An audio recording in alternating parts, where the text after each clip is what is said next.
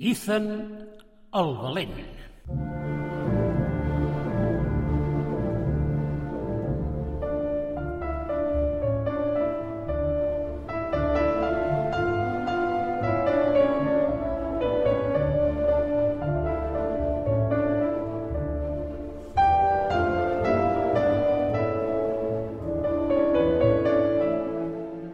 Potser pensareu que ara us explicaré una història d'un príncep valent anomenat Ethan.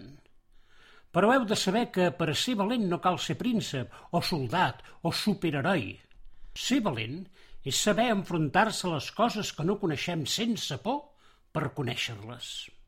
Doncs aquesta és la història d'un nen que va aparèixer un dia en un poblet de muntanya i que ningú sabia d'on venia ni d'on sortia. Semblava un noi com qualsevol altre, només que estranyament vestit. Els seus pantalons eren fets de pana i hi havia cosides moltes butxaques, cada una d'elles tancada amb un botó diferent. Hi havia botons d'os, de nacre, de metall i fins i tot de folrats de fil. No cal dir que també tenien diferents formes i no pas com els botons rodons que coneixem. N'hi havia de quadrats, de triangulars, d'hexagonals i fins i tot en forma de boletes. Aquests, curiosament, eren com picarols i cada cop que el nen caminava se'l sentia dringar. Duia també una camisa feta de pedàs, cada un d'ells de diferent teixit, de fil, de llana, de cuir, de cotó, fins i tot d'espart. A cada pedàs hi havia dibuixat un poblet i semblava talment com un conjunt de postals d'aquelles que la gent envia quan és de vacances. Damunt la camisa lluïa una armilla feta de cargolines i petites conquilles de musclos petits d'aquells que es fan a les roques vora el mar. El cap el cobria amb un barret amb orelles fet amb plomes d'aquelles que es fan servir per guarnir les mones de Pasqua, i en els peus uns mitjons de llana gruixuda i uns esclops de fusta de boix. No cal dir que amb aquella pinta tothom va entendre que no era pas un noi del poble, ni de cap altre poble de la contrada, i ni tan sols de més enllà, perquè els que hi solien anar de viatge van dir que mai havien vist un nen guarnit d'aquella manera. Doncs bé, allí s'hi estava aquell nen, aparegut de qui sap on, pal plantat al vell mig de la plaça i amb uns ulls esbatanats que ho miraven tot. Bon dia, nen, va dir la vella Reinalda, la dona més gran del poble i que tots la tenien per la més entesa perquè sabia totes les històries agudes i per haver. Com et dius? Aleshores el nen va ficar la mà en una de les butxaques del pantalón, la va treure tancada i la va obrir davant dels ulls de la Reinalda. Dins la mà no hi havia res. I la vella va dir, aquest nen no té nom. Si no hi ha res al seu palmell, vol dir-nos que no té nom. Tot seguit li va preguntar, d'on vens? Aleshores el nen va treure un botó de nacre d'una altra butxaca i li va donar a la vella Reinalda. Aquesta el va observar pel davant i pel darrere i va dir «Aquest nen ve de mar. M'ha donat un botó de nacre i el nacre prové de les conquilles d'alguns mol·luscs que es troben al mar». Per acabar, la dona li va preguntar «Què vols de nosaltres?» I el nen es va abraçar a la vella Reinalda molt i molt fort Llavors la vella va dir «Aquest nen vol quedar-se amb nosaltres, vol que l'acollim i el protegim, i jo dic que sí, que es pot quedar, que l'acollirem i el protegirem». Aleshores uns quants vilatans recelosos van preguntar a la vella Reinalda si era prudent acollir un nen desconegut i tan estrafolàriament vestit. «Potser és que no us heu mirat al mirall avui», va dir la vella. Tots i cada un de vosaltres us vestiu com voleu, oi? I ben contents que esteu, tot i que tu, Joan Pequenyo, portes aquesta mena de gorra que ningú sap si és gorra o parrac. I tu, Núria Nines, que sempre portes nines penjades al coll. I fins i tot el nostre alcalde, que sempre es passeja amb una faixa llampant i de colors estridents. Jo mateixa vaig amb un mocador de farcell al cap i una branca de boix al pit i no segueixo dient noms perquè la llista fora molt llarga. Tothom va callar, no fora que la vella Reinalda fes un repàs de tots i cadascun de la gent del poble. i aquell nen que havia aparegut misteriosament es va quedar a viure al poble a casa de la vella Reinalda. El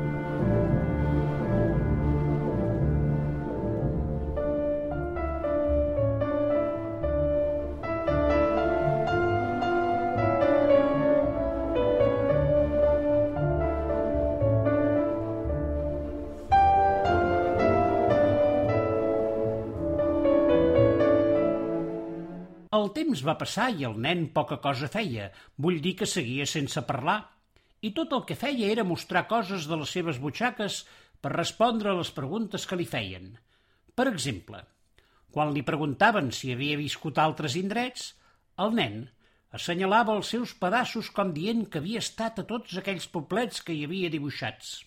Quan li preguntaven els anys que tenia, treia d'una de les butxaques set botons d'os i els posava un al costat de l'altre. Quan li preguntaven si sabia llegir i escriure, ficava de nou la mà a la butxaca més gran del pantaló i la treia ben tancada. Després l'obria i en el palmell hi havia tot de paraules escrites que de seguida desapareixien. Però el més curiós era que cada cop que li feien una pregunta que la podia respondre amb un sí o amb un no, tot movent el cap amunt i avall o d'un costat a l'altre, ell donava o bé un picarol si era que sí, o bé un cargolí si era que no. Una cosa, però, sí que li passava al nen, i és que tenia por.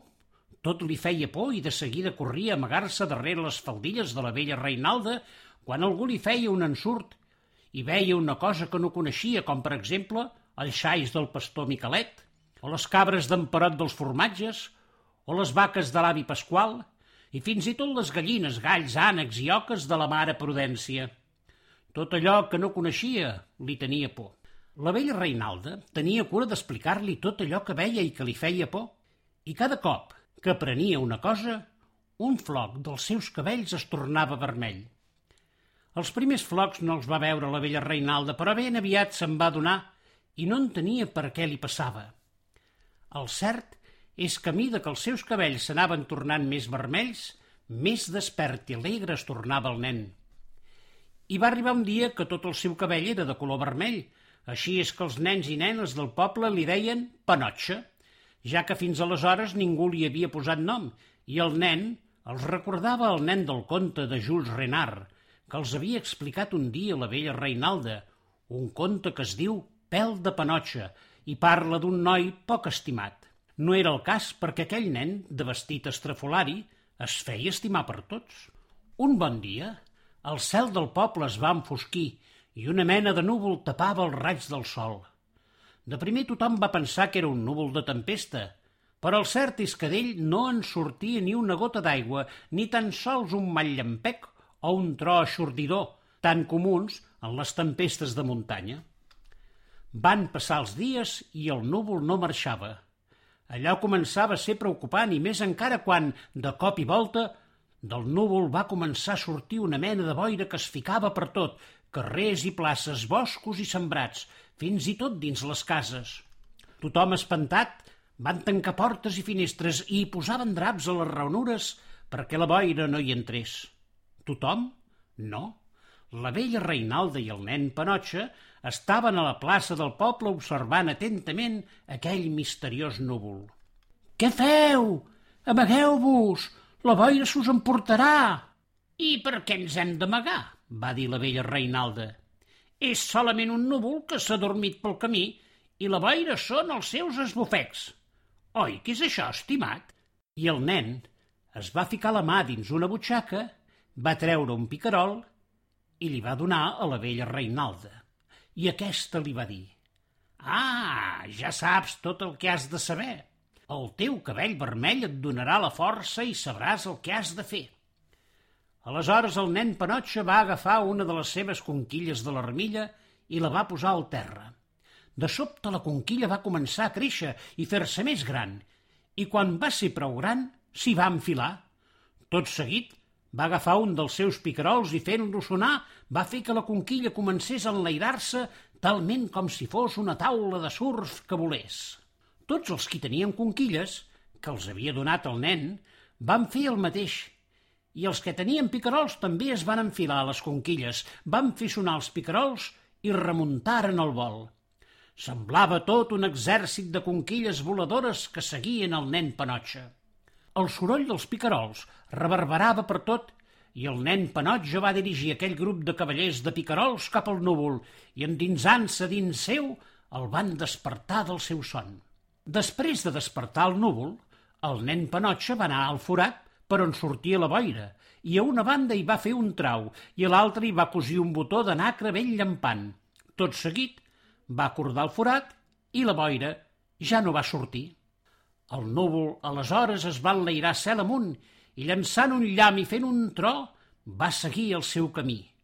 El llamp va dibuixar un nom al cel, Ethan, i el tro no era altra cosa que la veu del núvol que deia Tu ets l'etern, el constant, el fort, el valent, i el teu nom serà des d'ara Ethan. Quan tots els que anaven damunt de les conquilles van aterrar a la plaça, es van adonar que el nen Panotxa no els havia seguit. «Vella Reinalda», li va preguntar una nena, «i en Panotxa, que no torna?» «No, no tornarà. I no es diu Panotxa, sinó que es diu Ethan. Ethan el valent. Ha marxat, però ens ha deixat uns bonics regals, oi? Quins? No ho sé, va dir la vella Reinalda. Ho haureu de dir vosaltres quins són els regals que us ha deixat.